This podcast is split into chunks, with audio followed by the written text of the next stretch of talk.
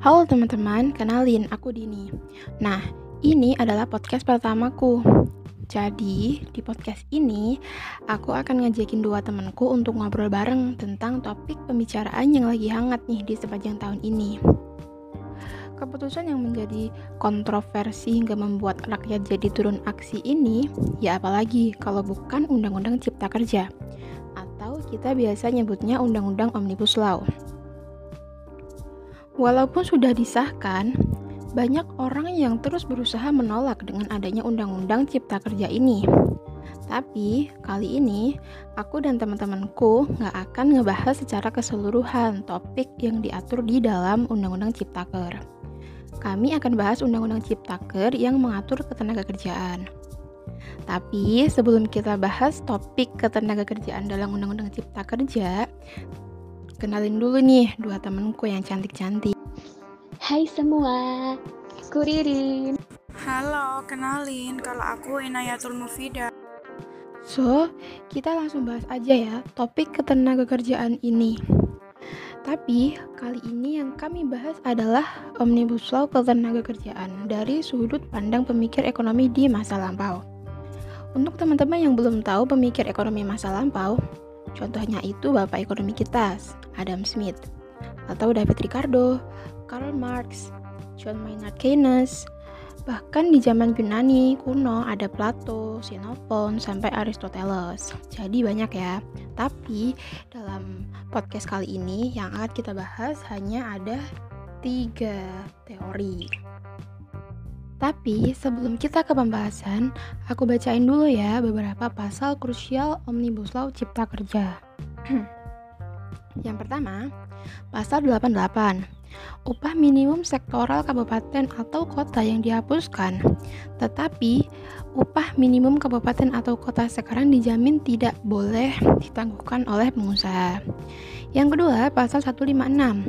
Pesangon nilai maksimalnya turun dari aturan di Undang-Undang Ketenagakerjaan yang 32 kali menjadi 25 kali upah.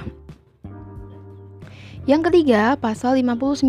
Karyawan kontrak dan outsourcing tadinya dikhawatirkan bisa jadi seumur hidup. Yang keempat, pasal 77 dan 78. Waktu kerja yang dikhawatirkan buruh tidak dibatasi jumlah hari maksimalnya dalam seminggu. Tidak jadi diubah di aturan di Undang-Undang Ketenagakerjaan. Tapi ada aturan soal waktu lembur maksimal naik dari 3 jam menjadi 4 jam sehari. Yang kelima, pasal 42 adanya kemudahan TKA diperbolehkan bekerja di Indonesia tanpa adanya pengesahan rencana penggunaan tenaga kerja asing atau RPTKA pemerintah pusat. Ini untuk TKA ahli dalam kondisi tertentu. Kemudian yang keenam, cuti haid, cuti melahirkan, cuti menjalankan kegiatan keagamaan, hak menyusui tidak diatur. Nah, itu beberapa poin krusial dari Undang-Undang Cipta Kerja Ketenaga Kerjaan. Gimana nih menurut kalian kalau dari sudut pandang pemikir ekonomi di masa lampau? Nah, sebelum aku menyampaikan pendapatku, gimana kalau kamu duluan, Din, yang menyampaikan pendapatmu? Kalau menurutku sendiri nih, dari pasal 59 itu tadi ya, bunyinya kan karyawan kontrak dan outsourcing tadinya dikhawatirkan bisa jadi seumur hidup.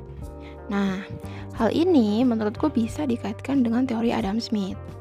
Teori upah yang terjadi dalam masa Adam Smith ini dilakukan sesuai dengan kualitas skill pekerja di masa itu. Jadi, semakin tinggi kemampuan suatu pekerja, maka pekerja tersebut akan mendapatkan gaji lebih tinggi pula. Hal ini menurutku berkaitan dengan adanya kemungkinan permanennya pekerja kontrak di Indonesia. Yang ditakutkan oleh masyarakat Indonesia ini ya, kalau menurutku dengan adanya sistem kerja kontrak yang bisa jadi permanen selamanya, masyarakat itu takut untuk gimana ya takut sulit mendapatkan pekerjaan setelah keluar dari pekerjaan lama. Namun sebenarnya jika kita hubungkan dengan teori Adam Smith ya, di mana pekerja dibayar sesuai dengan skill, mungkin kita juga bisa berkaca dengan hal tersebut, di mana dengan memiliki skill yang mumpuni, seharusnya masyarakat tidak perlu takut jika tidak mendapatkan pekerjaan lagi setelah keluar dari pekerjaan lama. Karena jika kita punya skill yang hebat, pasti perusahaan akan mencari kita. karena kan sebenarnya kapitalis itu butuh banget dengan tenaga kita kalau kita nggak ada gitu siapa yang menjalankan bisnisnya kapitalis mungkin hal ini juga bisa dijadikan pacuan untuk kita mulai meningkatkan skill skill kita dari sekarang supaya ke depannya kita atau teman-teman yang belum terjun ke dunia kerja bisa bersaing dengan sehat dengan para pekerja lain yang tentunya punya skill yang gak kalah hebat.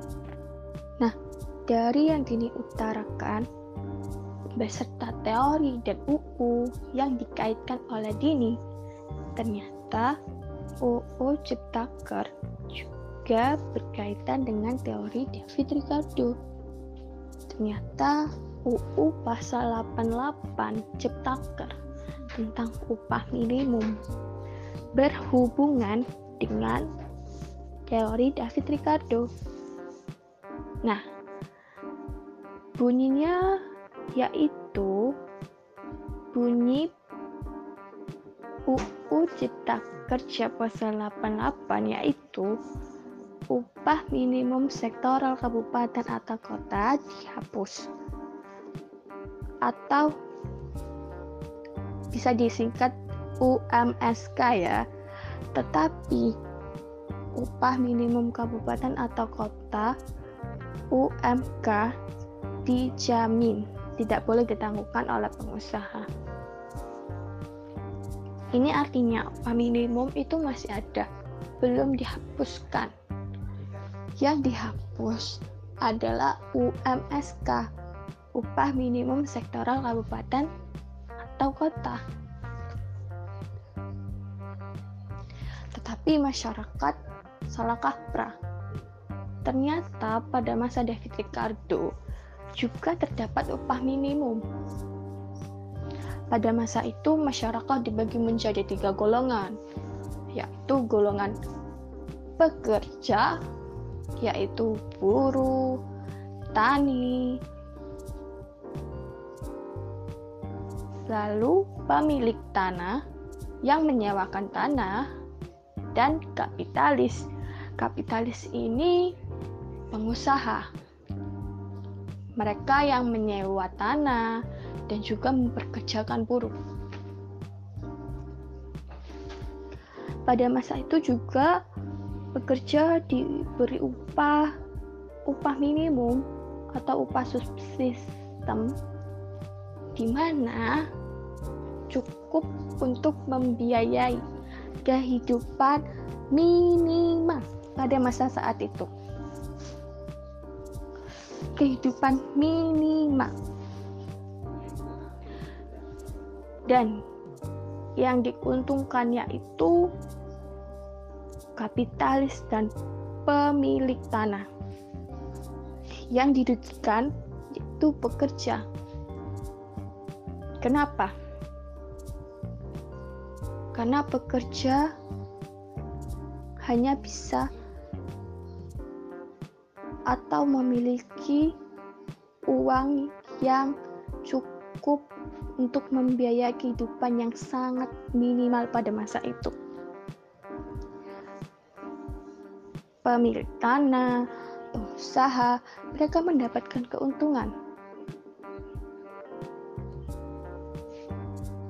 Jika para pengusaha ingin mendapatkan laba atau profit yang tinggi atau profit yang meningkat, maka salah satu caranya yaitu mereka harus menurunkan tingkat upah.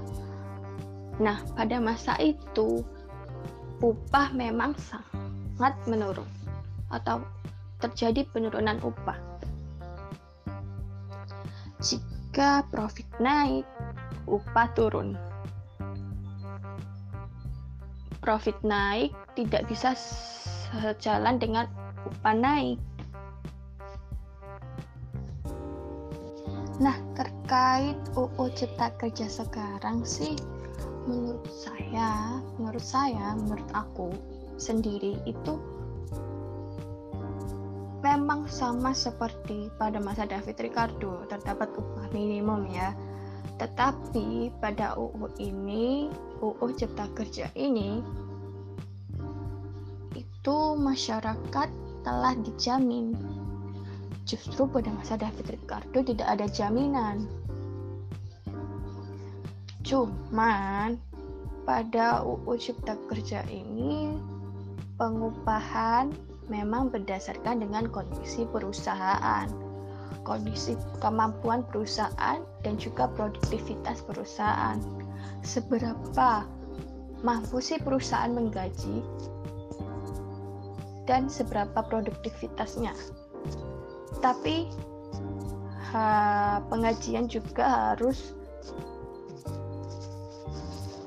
sesuai dengan upah minimum yang telah ditetapkan. Oke, itu menurut Ririn. Dari teori Ricardo. Jadi gimana nih menurut Vida dari tokoh ekonomi yang lain? Di sini aku juga akan membahas tentang pendapat Kalmat, di mana eh, pendapat Kalmat sendiri ini, jikalau dikaitkan dengan Undang-Undang Cipta Kerja atau Undang-Undang Omnibus Law yang sedang uh, memarah atau sedang gempar dibicarakan uh, semua rakyat Indonesia yang ada, di mana pendapat Kalmat sendiri ini juga sangat persis dengan Undang-Undang Cipta Kerja yang ada dan menimpa Indonesia pada saat ini, di mana uh, di dalam uh, pada masa itu uh, adanya eksploitasi tenaga kerja di mana upah tenaga kerja yang memanfaatkan istilah perbudakan dengan upah yang sangat rendah di mana kegiatan eksploitasi tenaga kerja ini yang dulunya itu berakar dari kapitalisme yang ada.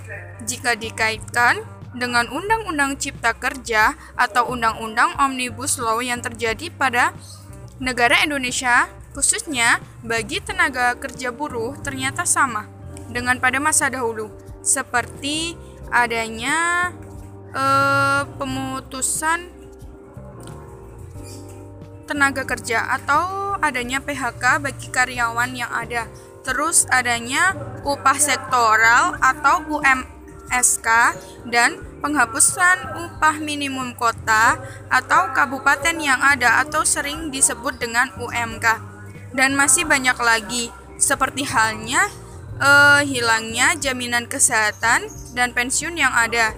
Di mana di sini kita dapat lihat bahwa apa yang menimpa tenaga kerja di Indonesia ternyata telah pernah diprediksi oleh Karmat pada 100 tahun lebih yang lalu, yaitu dengan adanya determinasi ekonomi yang terjadi pada buruh di Indonesia saat ini sama dengan apa yang dilakukan oleh uh, borjuis atau pengusaha borjuis yang di mana pengusaha tersebut telah memeras tenaga kerja para buruh dan bayaran sangat rendah pada masa saat itu tercantum juga dalam karyanya uh, yaitu karya oleh tokoh Christian van den Anker yaitu yang berjudul The Political Economy of Fairey yang menyoroti praktik perbudakan zaman modern yang dilegalkan negara dalam undang-undang.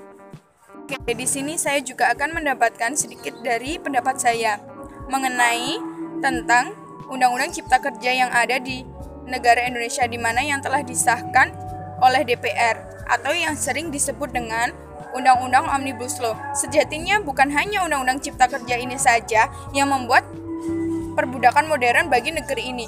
Jauh sebelum adanya Undang-Undang Cipta Kerja ini diketok palu oleh DPR, ada banyak sekali undang-undang lain yang sengaja dirancang dan disahkan untuk mengeksploitasi bangsa ini dengan niatan untuk merampok kekayaan negeri ini dan membuat banyak orang tidak sejahtera dan harus hidup dalam ambang kemiskinan sebagai buruh. Di mana maka dengan hati yang sangat sadar, kita akan mampu melihat bahwa ini semua bukan hanya masalah siapa yang menjalankan negeri ini, melainkan juga kesalahan sistem yang diterapkan pada negeri ini. Seperti sebuah kiasan, benang merahnya adalah karena kesalahan sistem yang digunakan oleh negeri ini yang memberi celah kepada manusia untuk menentukan benar atau salahnya, yaitu dengan mekanisme suara terbanyak. Akhirnya, celah ini dimanfaatkan para pemilik modal untuk kepentingan mereka, sehingga eh, jikalau adanya banyak penyimpangan yang terjadi dalam Undang-Undang Cipta Kerja atau Undang-Undang Omnibus Law yang kita harus terima dalam negeri ini itu sebenarnya bukan sebuah kesalahan Undang-Undang Cipta Kerja, melainkan bagaimana sistem yang telah dilakukan dalam negeri Indonesia ini. Memang sulit rasanya untuk menetapkan peraturan atau keputusan yang menyangkut hajat hidup orang banyak. Apalagi jika pengambilan keputusan tersebut didasarkan atas suatu kepentingan. Namun kembali lagi, kita harus yakin bahwa pada dasarnya setiap keputusan pasti akan memiliki sisi positif maupun negatif. Sama halnya dengan pengesahan Undang-Undang Omnibus Law ini. Memang ini banyak menguntungkan para pengusaha dengan berbagai rentetan poin yang cukup menekan para buruh. Tapi di sisi lain, dengan adanya kemudahan mendirikan usaha, pasti lapangan pekerjaan juga akan bertambah ke depannya. Dan produktivitas masyarakat pun jadi semakin meningkat. Dan dari pembicaraan kita ini terdapat satu kesimpulan yang akan disampaikan oleh Ririn. Gimana nih, Rin? Dari pemaparan materi tadi yang disampaikan kedua teman saya dan juga saya, dapat disimpulkan bahwa UU Cipta Kerja ini memang kontroversi.